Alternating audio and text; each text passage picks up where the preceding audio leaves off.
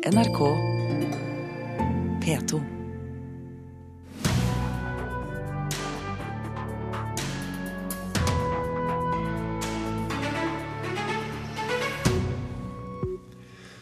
Svensk presse har vært overflatisk og tendensiøs i dekningen av Therese Johaugs dopingsak. Det sier Esten Osæter i Dagbladet.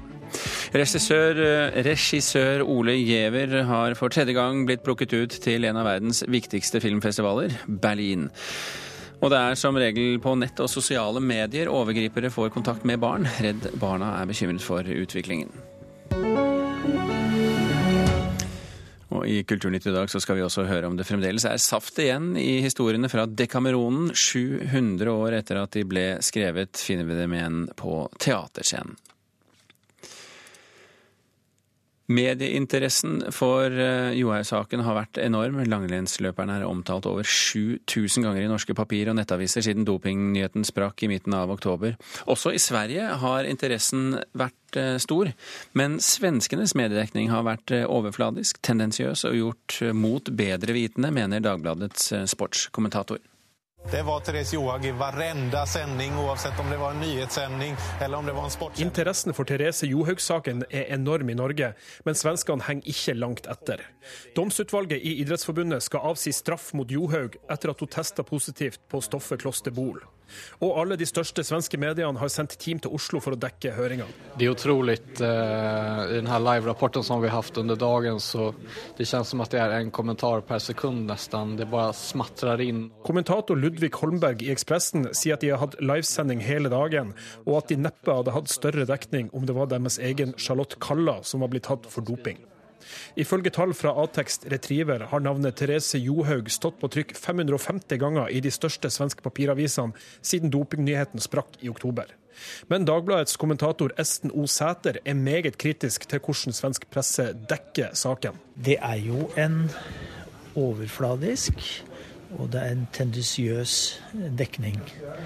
For jeg syns det er veldig problematisk eh, at nyheter formidles eh, nesten utelukkende med tanke på hvor mye de skal leses, enn det som er eh, sannhetsinnholdet i dem. Sæter viser til at svensk presse nylig gjenga gamle opplysninger fra alternative forklaringer på hva som hadde skjedd ved innkjøp av den mye omtalte sårsalva, til tross for at man visste at disse opplysningene ikke hadde rot i virkeligheten. Og Da blir det problematisk at man likevel eh, velger å, å kjøre nyheter som, som blir gjort da mot bedre vitende. Holmberg i Ekspressen kjenner seg ikke igjen i at svensk presse har hatt en tendensiøs dekning. Jeg syns det er en uredelig kommentar, og han kanskje ikke har lest hele vår rapportering. Det er klart at vi har vært kritiske på mange punkter. Vi har sluppet fram visse røster som kanskje har vært vel kritiske. Men vi har også lagt fram all informasjon som finnes på bordet. Vi har hatt mennesker som forsvarer henne. Vi har pratet med alle de svenske utøverne om det her, og vi har virkelig gjort jobbet fullt ut. Han mener at de skal være kritiske, og at norsk presse i større grad burde fulgt deres eksempel. Det kan nok være så at vi er litt mer kritiske i Sverige, og jeg syns at dere kanskje burde være litt mer kritiske i Norge. Jeg tror folk eh, lengter litt etter å få litt skadeglede. Det har vært for mye norske framganger, og da ser man sjansen her at eh, på noe sett få litt vann på sin kvarn. Aftonbladets kommentator Petra Torén kan konstatere at leserne deres er svært interessert i saken. Torén er til dels enig i kritikken av svensk presse, som kommer fra Esten Osæter. Jeg har også pratet med ham, og jeg kan holde med ham til viss grad. og Det tror jeg beror på at vi, eh, vi har kanskje ikke täckt eh, bevakningen på samme sett som, som norske medier har gjort og at det plockas ofte opp detaljer fra norsk media som, som blir veldig eh, ikke fullstendig utgjort i, i enskilde artikler som, som, blir en bra vinkel. og Der, der tykker jeg at han har rett. Esten og Sæter tror uansett at saken får et etterspill. Jeg tror det, det kommer til å bli en debatt i Sverige om måten de har dekket denne saken her på. Og reporter her, det var Oddvin Aune. Førsteamanuensis ved Handelshøyskolen BI, Tor Bang, velkommen til Kulturnytt. Takk. Omdømme er jo et litt plastisk begrep i og for seg, men, men har Therese Johaugs omdømme blitt skadet i denne saken? Ja, Det vet vi ikke ennå, men det er klart at hvis man ser på andre lignende saker, så må man regne med at Therese Johaugs omdømme har fått en liten ripe i lakken. Til det å si også at Therese Johaugs omdømme var veldig godt, har vært veldig godt. Hun har mye om, omdømmeskapital å tære på. Og, og sånn sett så, så, har vi jo ikke fasit ennå. Men den generelle vurderingen av Therese Johaug, som omdømme jo er, disse tillagte verdiene av autentisitet, av ærlighet, av ansvarlighet, av integritet, de har vel stått seg ganske greit. Og spesielt nå når vi får flere fakta på bordet, når den juridiske ekspertisen er kommet på, på bordet, til, eller den juridiske prosessen satt i gang, så så kan nok hun komme ganske godt ut av det. For det er vel en, en, en sannhet også at de fleste eh, suverene toppidrettsutøvere, sånn som Therese Johaug har vært, eh, de, det vil jo alltid henge en mistanke ved dem uansett. Eh, kan en, en, høring som dette også eh, fortelle folk hvor nøyaktig hun faktisk er? Ja, det tror jeg det kan. Um, og det er klart at det, uh, til nå har vi bare hatt en relativt hva skal jeg si, eh, sjokkartet behandling av det. Altså Da nyheten sprakk om Johaug, så, eh, så, var jo dette noe som ingen kunne tro. Og nå har jo eh, både idretten og domsutvalget og Johaug samla seg og, og, skal gå gjennom disse mer formelle eh, prosessene for å komme fram til en, eh, en dom. Og, og med fakta på bordet så blir det jo lettere å ta stilling til eh, rett og slett fakta på bordet. At, at, man da får et bedre bilde av hva som har skjedd, og hva som eh, den endelige dommen vil bli. Men, vi, vi, vi, hører jo her, eh, Tor Bang, mm. at, at, eh, det er en massiv dekning i, i om, om, man ikke hadde fått det med seg ja. før man hørte Kulturnytt i dag, så har, man, så har man i hvert fall hørt det nå. Det er en massiv dekning i mediene. Eh, hva har det å si for eh, omdømmet hennes? Det kan nok være det du sa i stad, at det, liksom, man kan få inntrykk av at det er ingen røyk uten ild. Det tror jeg nok man kan regne med. ja. Um, samtidig så, så har hun jo forvalta omdømmet kapitalen sin godt. Altså hun, eh, den autentisiteten og den, den sjokkarta reaksjonen som alle var vitne til, gråte foran TV-kamera, gråte i intervjuer, at det der på en måte eh, bidrar til å styrke den troverdigheten hun har, at dette var sjokkerende for henne, og at dette var noe hun var uten skyld i. Um, så hørte vi samtidig den svenske pressen som sier at de er en mer objektiv dekning av dette her, selv om Esten Oseti var uenig i det. Så sier jeg at um, F.eks. Ekspressen de, de, streamer jo fra denne høringen, begynner nå klokka ni. Og at det er en stor interesse for det. Og at, at um, omdømmet, selv om hun skulle komme godt ut av det i Norge, vil nok antagelig få en større knekk i uh, andre langrennsinteresserte nasjoner, sånn som Sverige og Finland. Mm. Ok, uh, Tor Bang, det er uansett ingen, uh, ingen eksakte disiplin vi snakker om her, men takk for at du kom og klargjorde for oss. Takk. Thank you.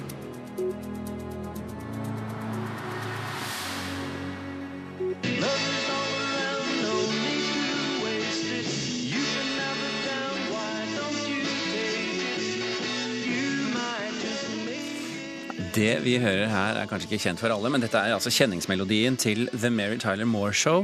For i går så døde nemlig hovedrolleinnehaveren i denne serien, eh, Mary Tyler Moore. Og reporter Mari Sand Malm, eh, det er en grunn til at vi snakker om henne, for hun var ingen hvem som helst i, i, i amerikansk TV-industri.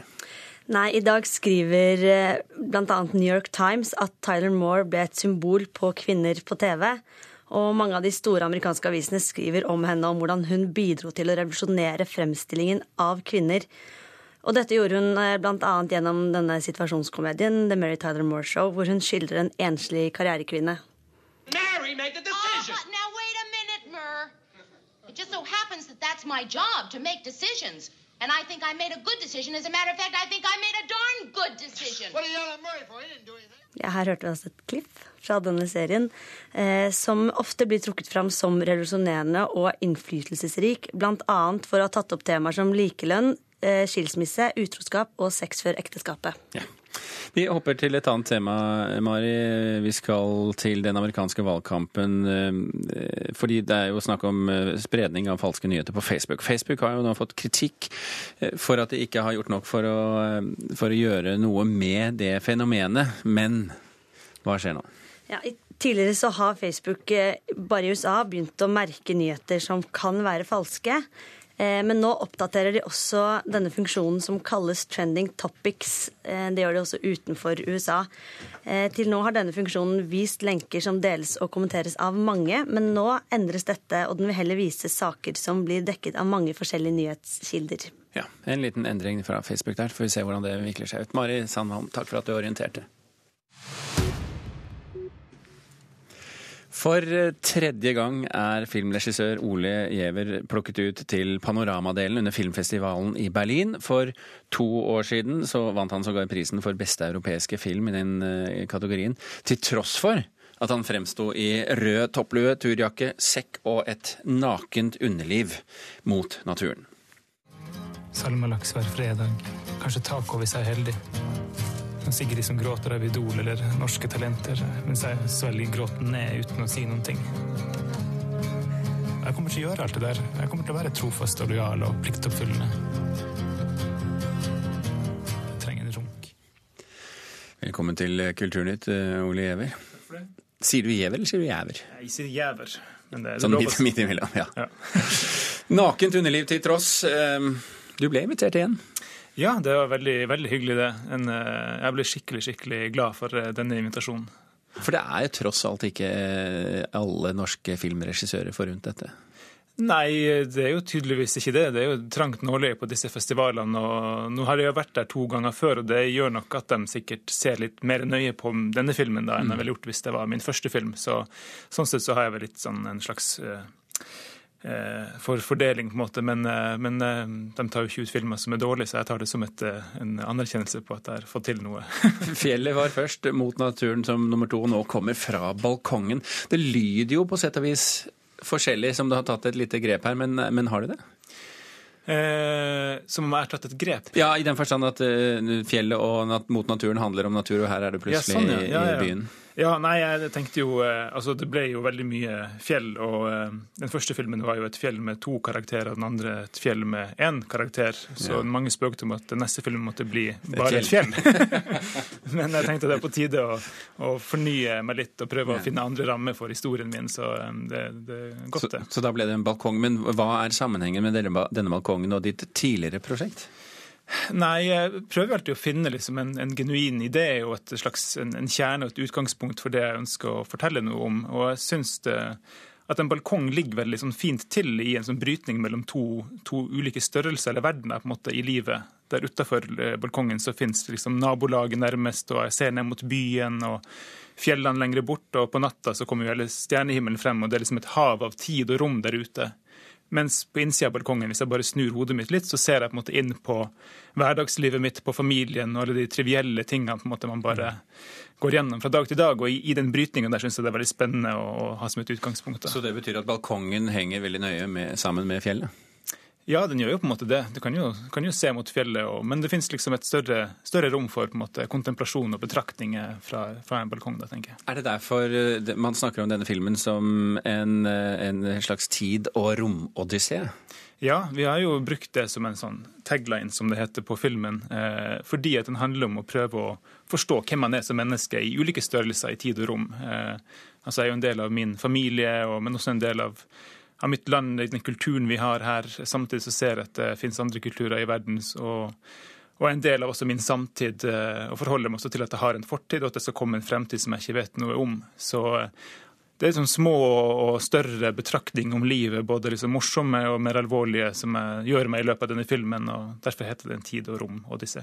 Men kan man omtale den som en spillefilm? Ja, ja, det er det begrepet vi bruker. Vi har liksom ikke lyst til å Det er jo en, en film med veldig mange forskjellige typer uttrykk. Det, det er dokumentar, og det er iscenesatte ting, det er animasjon og, og gamle hjemmevideoopptak. Men eh, jeg føler liksom at spillefilm er det som rommer eh, liksom den kategorien som rommer filmen best.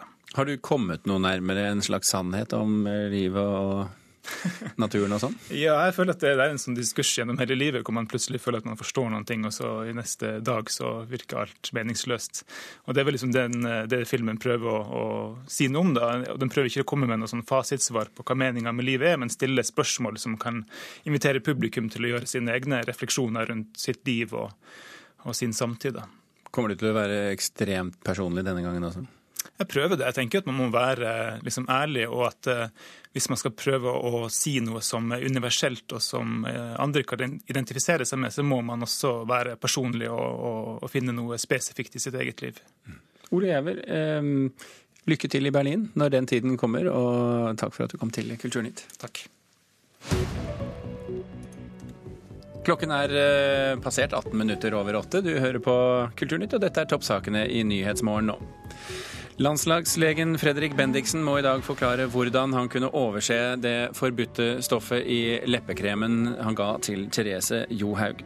Mexicos president Enrique Peña Nieto fordømmer USAs planer om å bygge en mur på grensen mellom landene. Og i Bodø er beboerne i bygdene Skjerstad og Breivik isolert etter et stort jordras. Det har ødelagt deler av fylkesveien, og mange barn kommer seg ikke til skolen i dag.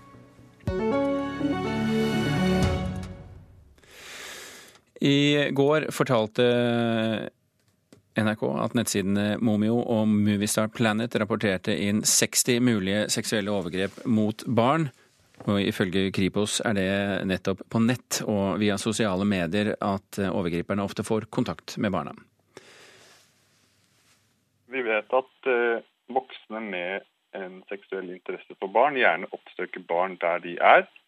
Og på internett og på sosiale medier så vil jo det være sider som er uh, laget for barn. Det sier Aksel Due, kommunikasjonsrådgiver i Kripos.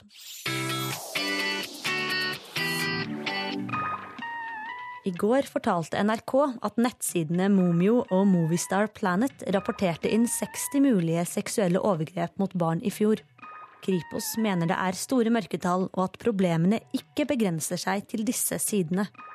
De siste årene har det vært en kraftig økning av antall anmeldelser av overgrep mot barn, og ifølge Kripos er det nettopp via spill og sosiale medier at kontakten mellom barn og overgriper ofte oppstår. Det er der det første møtet mellom overgriper og barn gjerne finner sted. Noen av disse sidene har moderatorer, og de sender tips til oss når de mistenker at voksne utgir seg for å være barn, eh, og prøver å lokke barna med seg over på andre kanaler som Skype og eh, Messenger. Redd Barna jobber daglig med barns trygghet på nett, og de er bekymret for måten overgriperne nå kommer i kontakt med barn. Hei, jeg skal til Kaja Hegg i Redd Barna, jeg. Ja. Sjette etasje. Takk. Det skjer jo fordi overgripere oppsøker de arenaene hvor barn og unge er. Og mange barn og unge er jo som kjent eh, mye i sosiale medier og bruker mange spill. Sånn at det er der barna er mye av tiden sin. Sier Kaja Hegg, rådgiver i Redd Barna. Men det er også noe med hvor hvordan de er eh, tilgjengelige der, sammenlignet på andre arenaer. For barn og unge de er på mange kontaktflater uh, uten at uh, det er liksom oppfølging fra voksne. Og Derfor så blir de jo mye mer tilgjengelig både for, ja, for, andre som ønsker å komme i kontakt med dem. Opplever dere at foreldre er bekymret? Ja øh, og nei. På den ene side så er nok mange klar over øh, den faren. Samtidig så ja, sitter vi fra Redd Barna og sier kanskje at de er bekymret på litt feil måte. Man øh, gir formanende råd om at de skal holde seg unna fremmede og overgripere. Det har gått inn i hodene på barna. Men de er ikke bekymret nok til å omsette det i sånn daglig oppfølging av barn på nett. Reporter her, det var Mari Sand Malm. Hans Marius eh, Tessem med oss på linje, du er leder for slettmeg.no. Vi hører altså her at uh, foreldre er bekymret på feil måte. Hvordan bekymret bør de være? Ja, så Det som er så vanskelig med, med, de sakene her, er jo at barn har jo på den ene sida rett til et privatliv, og på den andre sida så er det jo vår plikt som foreldre å passe på at barna er trygge. Og jeg tenker at uh, her har vi ikke helt funnet ut hvordan vi skal håndtere det. Uh, vi engasjerer oss i barna våre på veldig mange områder. Vi har vel aldri som foreldre vært mer engasjert enn det vi er nå. Vi følger på fotball og ski og fritidsaktiviteter. Men på nett så er vi kanskje ikke engasjert på, på riktig måte. Vi på en måte møter ikke barna på halvveien i forhold til de eh, nettstedene og de tjenestene barna bruker, og, og veit vel egentlig ikke alltid helt hva som, eh, hva som, skjer. Men hvilke teorier eh, arbeider dere ut fra da? Altså Hvilken retning ser du for deg at, eh, at foreldreengasjementet bør gå? Ja, og det her er jo vanskelig, ikke sant. Og det, det er vel ikke noen, eh, noen klar fasit her. Og, og, alle barn er jo forskjellige. Men det jeg tenker er at eh, bare det at vi bruker de verktøyene som barna bruker, altså setter oss inn i det. Eh, prøver å holde en åpen kanal til barna våre. Jeg ser jo at de rådene vi ofte gir barna, er jo litt sånn formanende. Og hvis de havner i en situasjon hvor de har gjort noe som de på en måte er blitt fortalt at de ikke skal gjøre, så opplever i hvert fall vi i tjenesten vår at mange opplever skam rundt at de har blitt utsatt for et eller annet, og så, og så tør de ikke å gå til foreldrene sine, for de tror at det er nettopp de som har gjort noe gærent. Og det å formidle til barna våre at, at eh, det er ikke de som har gjort noe gærent, men at det er noen andre, og at døra står åpen, det tror jeg i hvert fall er veldig, en veldig viktig start, start å begynne med. da. Men betyr det at uh, man er nødt til å sant, engasjere seg i Moviestar Planet og, og, spille de spillene og være på de sosiale mediene som barna er på? Ja, jeg vil si at det er et godt råd. Vi engasjerer oss i fotball og håndball og ski og hva det måtte være, så hvorfor ikke gjøre det på den, eh, den arenaen her òg. Og eh, Hvis du bruker de verktøyene og ser hvordan, eh, hvordan de spillene ser ut, så, så, skjønner du veldig fort hva problemstillingen kan være. Og Da tror jeg du kan møte barnet ditt på en helt annen måte, eh, når du, når du vet faktisk hva det dreier seg om. Men er det også en viss fare for at man går inn og skremmer sine egne barn her? Ja, og det, det, er jo det som er balansegangen her. At eh, Vi ønsker ikke å, å, skape redde barn heller, men at barn som er våkne, barn som, er, eh, som kommer til oss hvis de opplever noe som de syns er vanskelig, det er, jo, det er, jo, den balansegangen der vi må finne ut av. og Der er jo alle barn forskjellige, og, og vi må vel kommunisere med våre egne barn på den måten som passer best. Så Det er jo den utfordringen vi som foreldre har, da. Og, og overvåking er, forstår jeg det slik at det er ikke ønskelig? Altså, som sagt, Barn har jo rett til et privatliv, men samtidig så må vi foreldre eh, Det er vår plikt å påse at barna er trygge. Eh, så det er jo en balansegang her, og, og, her er vi her er vi et sted hvor vi ikke har noen fasitsvar, og, og her må vi finne ut av hvordan vi, vi, gjør det her. Og det er nok sikkert òg individuelle løsninger fra, fra, familie til familie. Hans Maris eh, Tessem i slettmeg.no, takk for at du var med i Kulturnytt.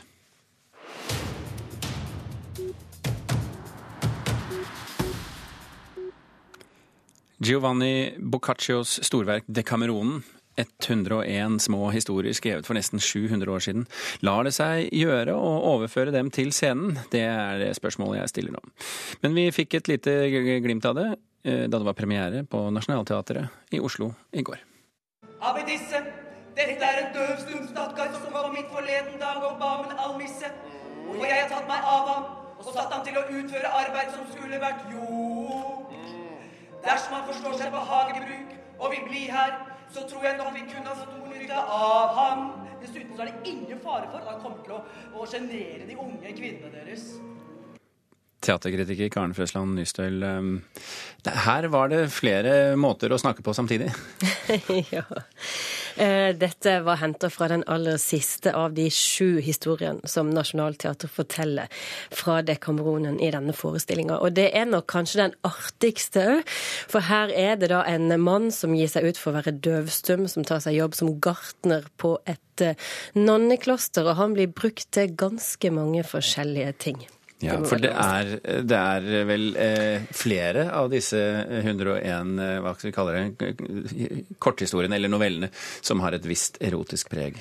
Ja, det er det. Og, og det preget det er med på, på scenen på Nationaltheatret òg. Og det er ganske artig løst. altså. Hvis vi bare tar denne, denne, disse nonnene og denne gartneren, så, så, er, så, vises det, spilles det ut gjennom at han jobber i hagen, og nonnene stiller seg opp i kø med hvert sitt hageredskap, og skjelvende gir de han han denne hagespaden, og når han setter den i jorda, så kommer det et stønn fra det hinsidige omtrent. Så, så, det spilles ut, men på en veldig artig måte. Det er altså noveller eh, hvis man kan kalle det det. da, Det er 101 historier eh, mm. samlet i et eh, verk. Skrevet i 1353, så er det nesten 700 år siden. Har det overføringsverdi fremdeles? Ja, historie har overføringsverdi til enhver tid. Det er en grunn til at dette verket er blitt stående òg. Og gode historier handler om våre eksistenspremisser. Så selvfølgelig, teatret er jo historiefortelling. Det er jo vår grunnleggende måte å snakke om livet på. Så, så det, det, er ikke et spørsmål engang, tenker men, men man må jo gjøre det annerledes på scenen. Og hva er det da eh, stjerneregissøren Elisa Kragerup har gjort? Hun har jobba historiene eh, fram gjennom improvisasjon. Eh, som sagt så er det sju historier, og de starter med dag to, historie sju. Det var en gang en, og så bare spilles det ut. Og der er improvisasjonsteknikken, eller det de har jobba fram gjennom improvisasjon, der kommer det fram. For det er mye artig, mye påfunn. Du ser, ser hvordan de har jobba fysisk for å hente fram potensialet som ligger i historiene. Alt fra brunstige prinser til til gartnere, til, eh, til en Trump-aktig rik mann som ligger på det siste og skal skrifte. Så de, de drar det til vår tid bl.a. ved å blande inn Trump. Det er kanskje det billigste poenget her, men eh, Men, men det, er, det, er, med andre ord ikke veldig sånn skriftnært?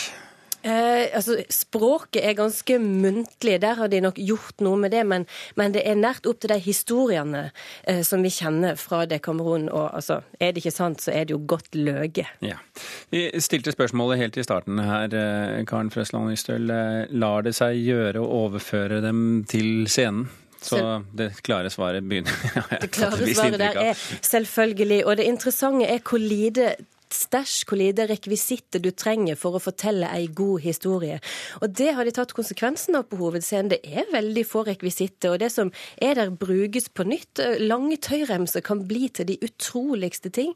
Og det er så fint at historier og skuespillerne får stå for seg sjøl og fortelle. Det er altså Nationaltheatret i Oslo du kan se dette stykket hvis du skulle være interessert. Karen Frøsland Nysøl, takk for at du var med oss eh, og så dette stykket. Kulturnytt eh, er eh, slutt. Vi skal rett og slett pakke våre saker og gå. Gjermund Jappé og Birger Kolsrud også. P2-lytternes romanpris. Jeg liker godt å kjenne meg igjen i bøker på en eller annen måte. All god kunst, som Tor Ulven sier, har et eller annet dumt over seg. Derfor var den boka her en fryd for øyet. Hør juryen diskutere bøkene i dag klokka 14 i NRK P2. Mange politifolk synes rettssaken mot Eirik Jensen er en stor belastning. Mange lokalsykehus kjemper for å beholde akuttkirurgi, men sykehus som har mistet tilbudet, mener de klarer seg fint uten. Her er NRK Dagsnytt klokka 8.30. Saken mot Eirik Jensen er krevende for mange politifolk, det sier leder i Oslo politiforening Kristin Aga. I de neste ukene skal en rekke politiansatte vitne i saken mot den korrupsjonstiltalte politimannen. Generelt kan saker som denne innebære dilemmaer for politifolk som skal vitne, sier førsteamanuensis Brita Bjørklo ved Politihøgskolen. Generelt, når man da skal vitne, så vil det også kunne være eh, saker hvor man har kjennskap eller erfaringer fra tidligere deler, eh, og hvor jeg tenker av ledere så kreves det da den eh, profesjonelle holdningen at hva kan jeg involvere meg i, og hva kan jeg ikke involvere meg i. Men som sagt, generelt så handler jo det om profesjonell ledelse. Å se hvor er man habil, og hvor er man ikke habil. Eh, og det i denne konkrete konteksten eh, som vi snakker om nå, med, med ledernes ansvar for sine ansatte, så vil jo det også bety hvem er de beste til å støtte dine ansatte i denne tiden. Eirik Jensen er tiltalt for grov korrupsjon og for å ha medvirket til smugling av flere tonn hasj. Han nekter straffskyld og fortsetter å forklare seg for Oslo tingrett i dag. Over hele landet kjemper lokalsykehus for å beholde tilbudet om akuttkirurgi, men de som allerede har mistet tilbudet, mener de klarer seg fint uten. Etter tolv år uten akuttkirurgi har Nordfjord sykehus ikke opplevd en eneste uønsket hendelse fordi de mangler tilbudet. Det sier seksjonsleder Laila Haugland. Vi var jo ganske skeptiske man kunne si, før denne modellen ble innført her av oss. Men etter tolv år så eh, har vi vel ikke sett noen eh, tilfeller der dette ikke har eh, fungert. De fleste kirurgiske pasienter skal ikke opereres innen veldig kort tid. Pasientene ligger her og blir utredet, og hvis våre leger mener at det er noe kirurgisk, så vil de ta kontakt med kirurgisk lege i Førde og avklare hvor pasienten skal. Alle de som var savnet etter snøskredet i Italia er funnet. I alt 29 personer døde i ulykken, som skjedde onsdag i forrige uke. Italias statsminister har innrømmet at redningsarbeidet var preget av både forsinkelser og feil. Antallet som eh, ikke har jobb her i landet holder seg ganske stabilt. I november var det 130 000 arbeidsløse, viser tall fra Statistisk sentralbyrå. Dermed var 4,7% av arbeidsstyrken uten jobb i november. Det er et fall på 0,1 prosentpoeng fra måneden før. NRK Dagsnytt, Anders Borgen Werring.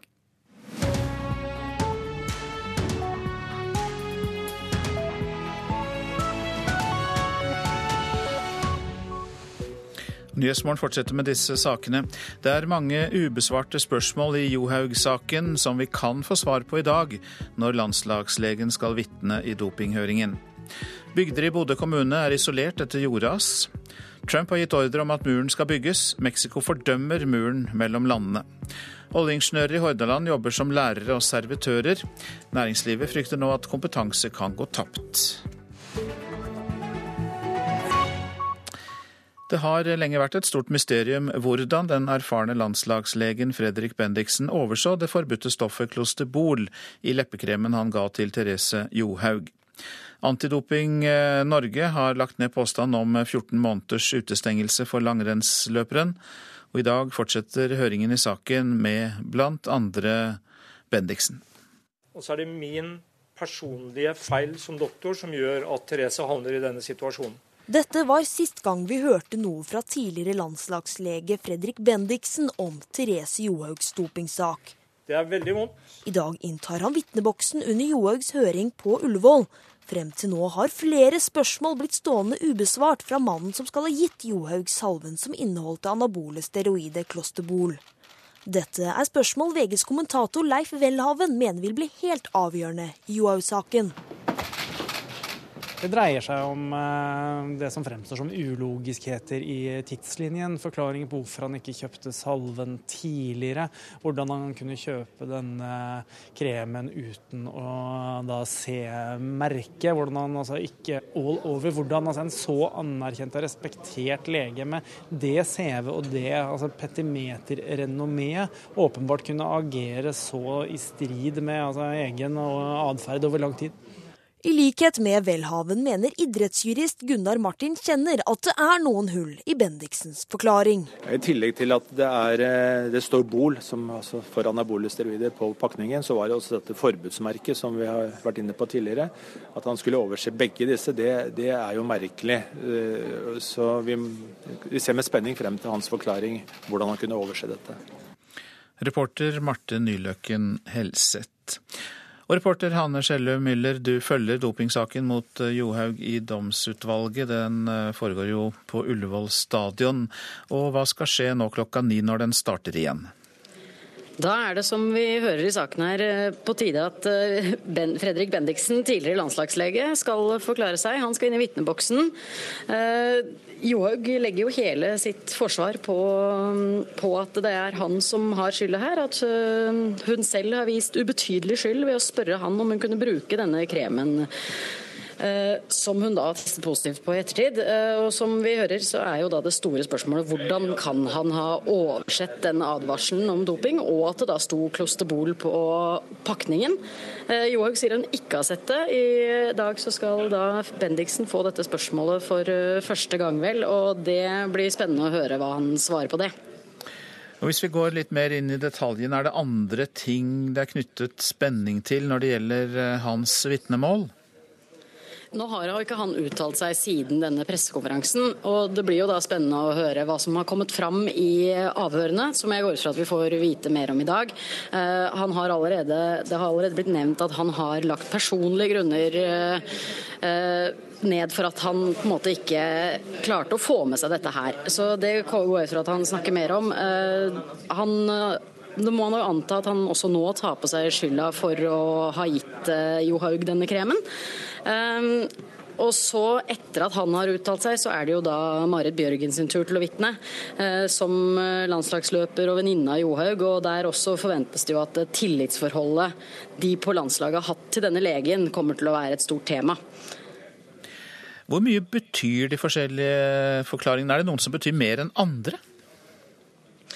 Ja, altså Fredrik eh, Bendiksens forklaring eh, er jo viktig her i denne saken. Men juridisk sett så tror jeg ikke jeg skal uttale meg så mye om det. Og vår juridiske idrettsjuristekspert Gunnar Martin Kjenner, han er fortsatt ikke her, så vi får ikke hørt med han om det nå. Men han skal vi komme tilbake til når Bendiksen har uttalt seg, for å høre om dette faktisk kan få noe å si for Johaug sin straff. Og til slutt, eh, Hanne Schellum Müller, det virker jo da på det du sier at det kan komme fram nye ting i dag, ting som ikke har vært omtalt i mediene tidligere?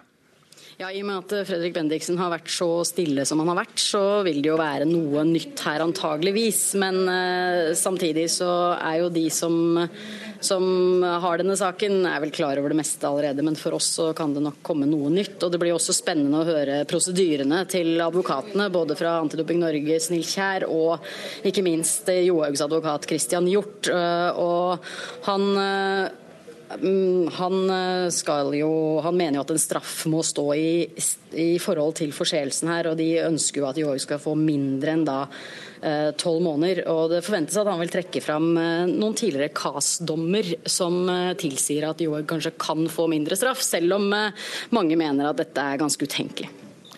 Mange takk skal du ha, reporter Hanne Skjellum Müller, som følger høringen på Ullevål stadion i Johaug-saken.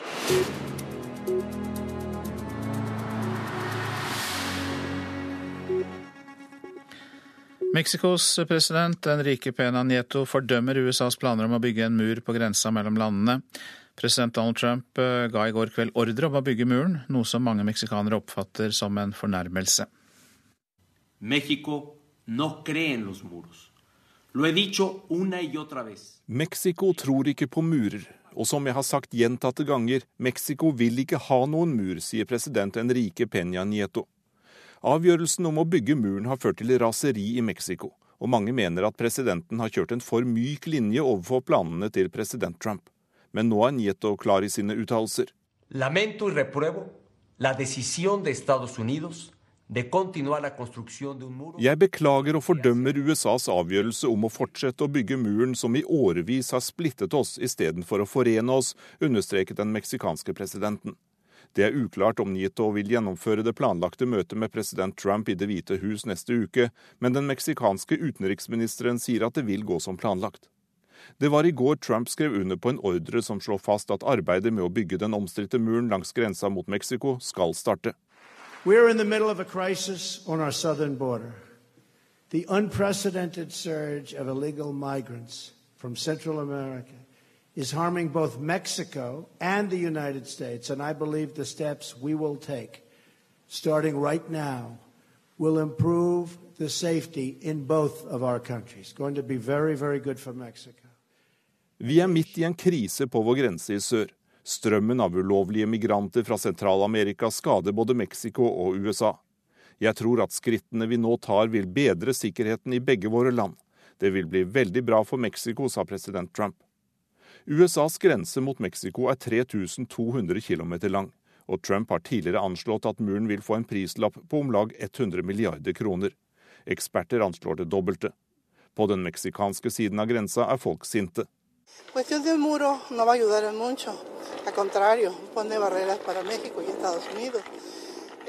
Muren vil ikke hjelpe mye. Tvert imot, den vil bli en barriere mellom Mexico og USA.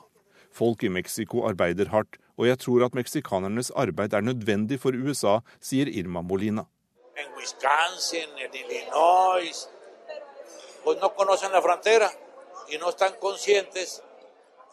I delstater som Wisconsin og Illinois har folk aldri sett grensa. De vet ikke at det allerede er en mur der, men jeg har sett den i 40-50 år, sier Gilberto Fimbres. Og alt tyder nå på at muren kommer til å bli enda lengre og mer solid. Den amerikanske presidenten ønsker også å ansette 5000 nye vakter som skal patruljere grensa mot Mexico. Sa reporter Jan Espen Kruse.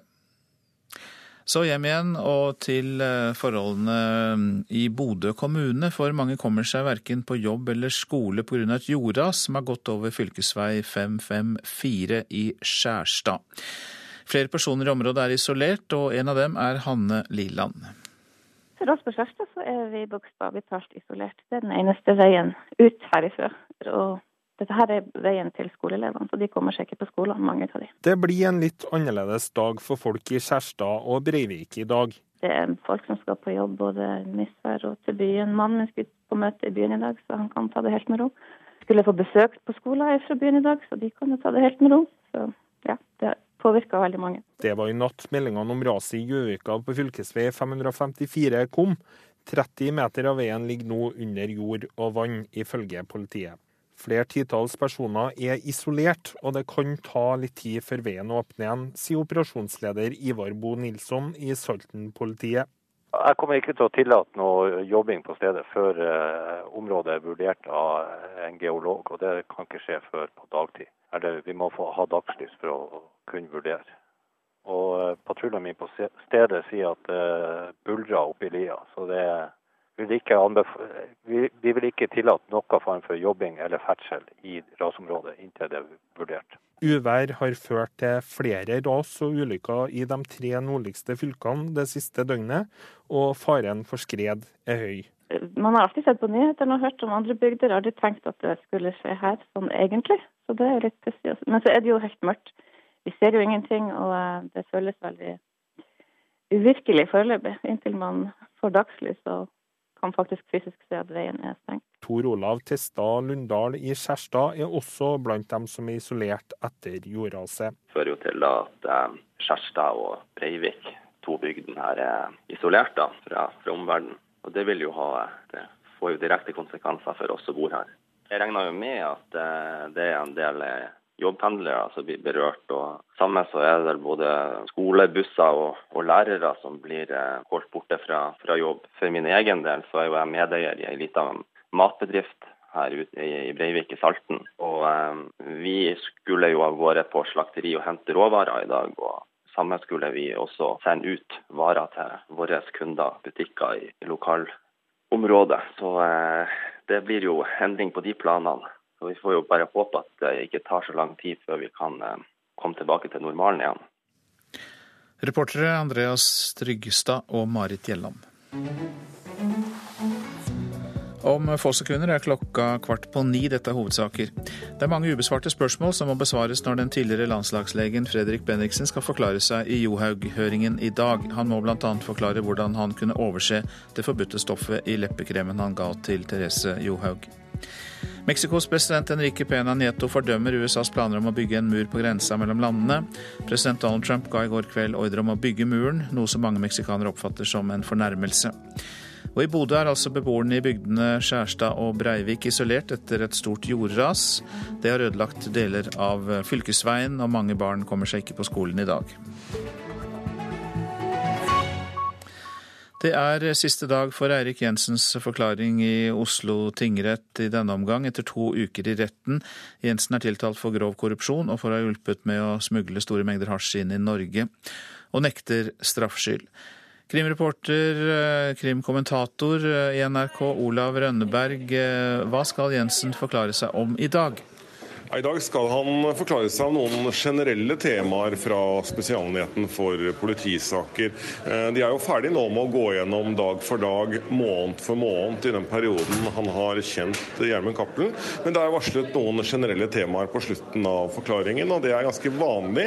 Da pleier aktoratet å oppsummere litt, trekke noen konklusjoner og stille han spørsmål. og Blant annet så kommer de nok til å gå han tettere på klingen på dette med kontakten med Gjermund Cappelen.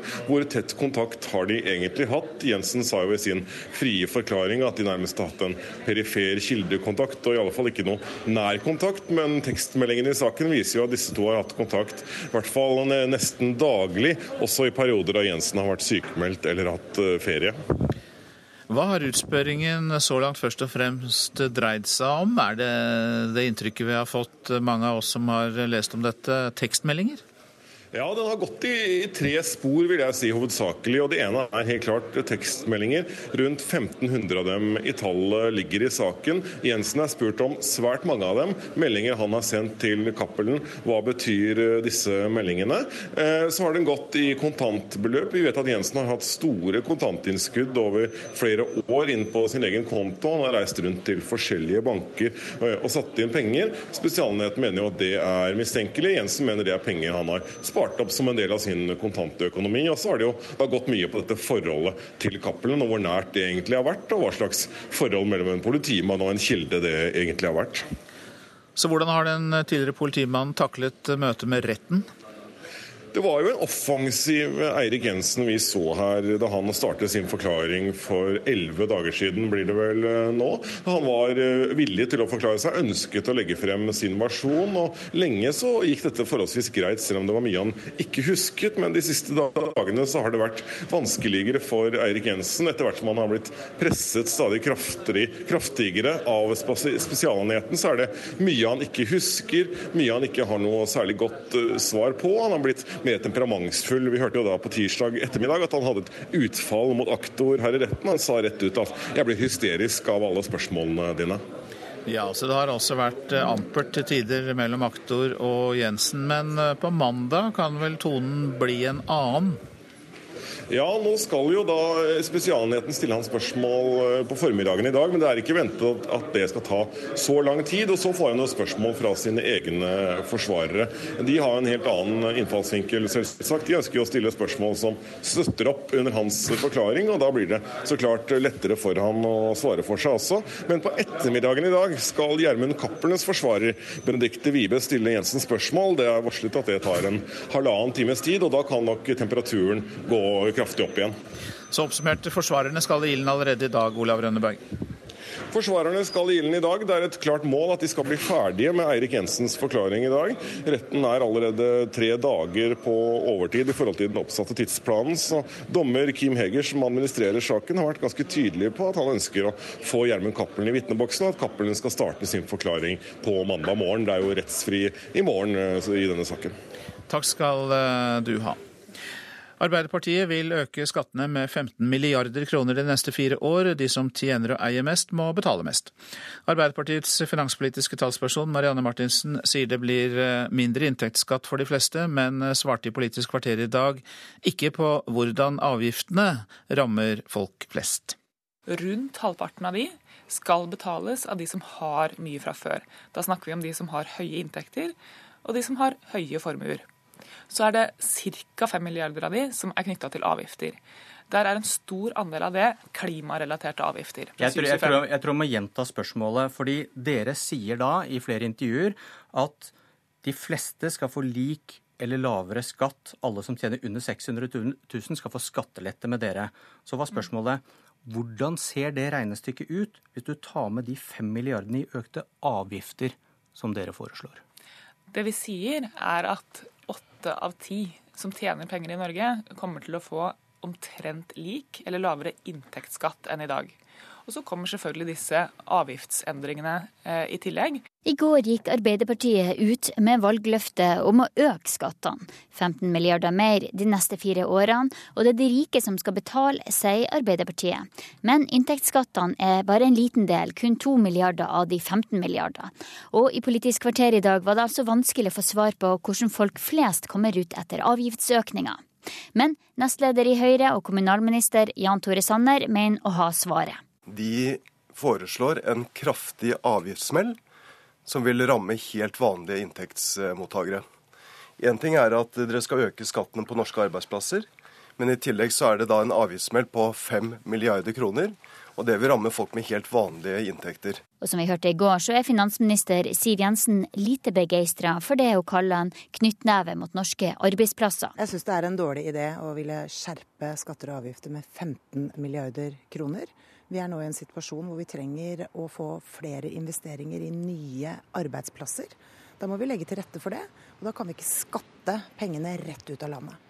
Men skattekuttene til den borgerlige regjeringa har ikke skapt arbeidsplasser, mener finanspolitisk talsperson i Arbeiderpartiet Marianne Martinsen. Så Det å bruke formuesskatten for å skape mer aktivitet er veldig lite treffsikkert. Halvparten av de som betaler formuesskatt er pensjonister, og vi unner pensjonister alt mulig godt. Men det å prioritere skattekutt til denne gruppa for å få mer arbeidsplasser, eh, det er i hvert fall lite treffsikkert. Eh, vi har et eh, skatteforlik om bedriftsbeskatning som vi skal følge opp. og Der senker vi beskatninga for selskaper. Vi senker selskapsskattesatsen. Det går rett på bunnlinja i bedriftene og betyr noe for viljen til å investere i norske bedrifter. Reportere her Linda Reinholdsen og programleder i Politisk kvarter Bjørn Myklebust.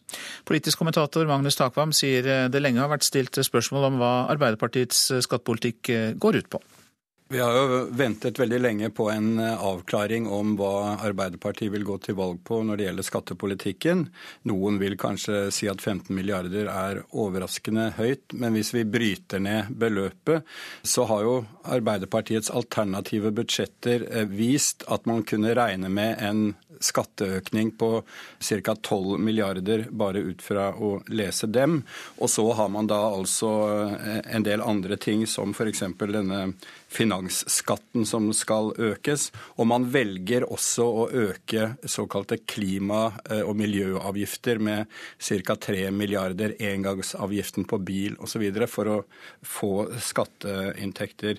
Man har fra tidligere eh, avklart at man ikke gjeninnfører en slags eh, arveavgift, som det har vært en del spekulasjoner om. Men nå har, har, man i hvert fall avklart tallet, så man vet hva uh, man diskuterer i, i, den politiske uh, debatten framover. Hvorfor er de så konkrete med dette tallet? De legger seg vel veldig åpne for kritikk, gjør de ikke det da? Jo, og det er uh, helt klart slik at det har vært en diskusjon internt i Arbeiderpartiet om det var riktig også denne gang å ha et mer eller mindre presist mål på uh, hvilket skattenivå man skal ha i løpet av de neste fire årene. Uh, fordi det er et bevegelig mål. alle vet at økonomien endrer seg, behovene kan endre seg. Når man likevel har valgt å lande på det, så tror jeg rett og slett det er fordi Arbeiderpartiets motstand motstandere ville da skapt usikkerhet om eh, hvor stor skatteøkning vil Arbeiderpartiet egentlig komme med, og liksom hamret løs på nå må vi ha et konkret svar. Så Derfor har de da valgt å komme med, med tallet. Nå om at flere ledige oljeingeniører bør få tilbud om praksisplass i bedrifter. Det mener bransjeorganisasjonen NITO. I Hordaland er nærmere 500 ingeniører uten arbeid, og det er frykt for at deres kompetanse går tapt før markedet snur igjen halv fünf. Det er tysktime for åttende klasse. Men vikaren i dag skulle egentlig ikke vært lærer. Det var jo ikke helt sånn det var planlagt, da. Da kan dere ta og rydde sammen. Subsea-ingeniøren Anette Saksvik var ettertraktet. Hun ble hentet til en godt betalt jobb etter studiene. Men så kom krisen i oljenæringen. For ett år siden mistet hun jobben i Aker Solutions på Ågotnes. Nå jobber jeg jo eh, som ringevikar på ungdomsskolen her ute i Sund. I tillegg så er jeg eh, av og til på voksenopplæringa. Og nedgangstidene har ført mange oljeingeniører over til andre jobber og bransjer. Kompetanse er ferskvare, ikke sant? Det må utnyttes. Det sier Stian Nyhus, regionsjef i ingeniørenes bransjeorganisasjon NITO. Han er bekymret over oljeingeniørene som nå ikke får brukt kompetansen sin. Han mener det må på plass praksisplasser i bedriftene for å hindre at kunnskapen forsvinner. F.eks. å skaffe praksisplasser for dem som har gått ledige i mer enn seks måneder, slik at en tar vare på den ingeniørkunnskapen og kompetansen som en faktisk har, at det ikke blir skilla ut i, i badevannet fordi at en går for landet ledig og, og kunnskapen og kompetansen forsvinner. Så her kunne det vært gjort mye og lagt mye mer til rette for å, å skape den type praksisplasser som er et spleiselag mellom næringslivet og, og Nav. Ifølge NITO er nå nærmere 500 ingeniører uten jobb bare i Hordaland, og mange har gått over til andre jobber og yrker. Fylkesdirektør i Nav Hordaland, Anne Kvenneland Buksnes, sier praksisplasser for oljeingeniører er noe de vil være med på å diskutere. Ja, Vi er jo veldig positive til forespørsler som kommer fra denne gruppen. Vi må gå i dialog med aktørene, både næringslivet og organisasjonen, for å se på muligheter. Men, men, det er ikke Nav sin jobb å holde på kompetanse i næringen. Det er næringen og bedriftene sin jobb å sørge for at de holder på egen kompetanse. Også næringslivet er bekymret for kompetansen som nå går ledig. Administrerende direktør i Bergen næringsråd, Marit Wanke, sier næringslivet fortsatt vil trenge ingeniører i fremtiden. Vi hadde en undersøkelse rett før jul på hvilken kompetansebehov man har. Så når man ser i et litt langsiktig perspektiv, så er fortsatt ingeniørkompetansen av de høyest prioriterte eh, fagbakgrunnen. Reporter var Siri Løken. Statsmeteorolog Terje Asvik Valle, velkommen hit. Takk og god morgen. Dere har sendt ut et oppsvarsel for Nordland? Ja, det er jo den nedbøren. Altså, det var jo mye nedbør der i går. Veldig mye nedbør i går. Storforskjær fikk 123 eh, millimeter faktisk på 24 timer i går. Veldig mye nedbør oppå snødekket som ligger der fra før. Så da blir det mye vann. Og i dag så er det en ny runde med nedbør som kommer inn til Nordland. Det har allerede kommet 20 mm millimeter i Mosjøen og fra midnatt og frem til klokken åtte. Og det er mer regn på gang utover dagen. Så det blir en ny fuktig dag i eh, Nordland. Troms og Finnmark har litt bedre vær nå. Eh, lite eller ingen nedbør den meste dagen, men den nedbør som er i Nordland, den vil også trekke nordover til Troms og Finnmark utover ettermiddagen og kveld dag. Så blir det en ny runde med nedbør der, men ikke så store mengder som det Nordland får. Men i sør er det vel ganske annerledes? Der er det helt annerledes. Der er det mer høytrykkspreget vær. Så ganske bra vær over store områder. Også veldig høy eh, temperatur. Det har vært oppe i 15,9 eh, i går kveld på Sunndalsøra. Og for øyeblikket ved åttetiden så var det mildest i eh, Linge, som ligger på Sunnmøre, med 15 grader. Molde har overkant av 12, så det er veldig mildt nå. Og det blir oppholdsvær over så å si hele Sør-Norge i dag. Det regner litt over Nord-Trøndelag, men det trekker vi nordover. Og Lenger sør så blir det oppholdsvær i hele dag. Og som sagt mildt for de fleste, med plussgrader over store områder. Men i lavere terreng på Østlandet så er det fortsatt noen minusgrader. F.eks. på Lillehammer er det tre-fire minusgrader nå. Så det er eh, stort sett mildt, men enkelte steder er det minusgrader i lavlandet. Takk skal du ha. Ansvarlig for nyhetssendingene på morgenen var Erlend Rønneberg. Produsent for Nei, det var eh, Elin Pettersen, beklager. Ulf Tannes Fjell er produsent. Marianne Myrhol teknisk ansvarlig. Og i studio Øystein Heggen.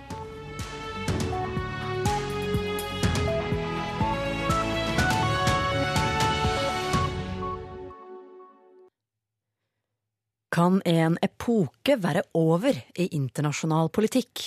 Er de felles kjørereglene vi har hatt, den globale tenkningen, handelen landene imellom og måter å håndtere konflikter på, historie? Historikeren, som kommer i Ekkostudio nå straks, tror ikke dette her kommer til å gå bra. I NRK P2 etterfølges samfunnsmagasinet Ekko hver dag av musikkprogrammet Spillerom. Spillerom i dag. De har snekra på sangene sine siden 2007, men debuten den kom først i fjor. På lørdag så sitter de i salen nominert for bl.a. Spellemannpris i det å komponere. I Spillerom i dag forklarer nummer fire hvordan de komponerer sangene sine. Du er sterk, jeg er svak. Du sto foran, jeg sto bak. Fra 11 til 12, Spillerom på NRK P2. Var det plass til hele verden? Hør flere podkaster på nrk.no podkast.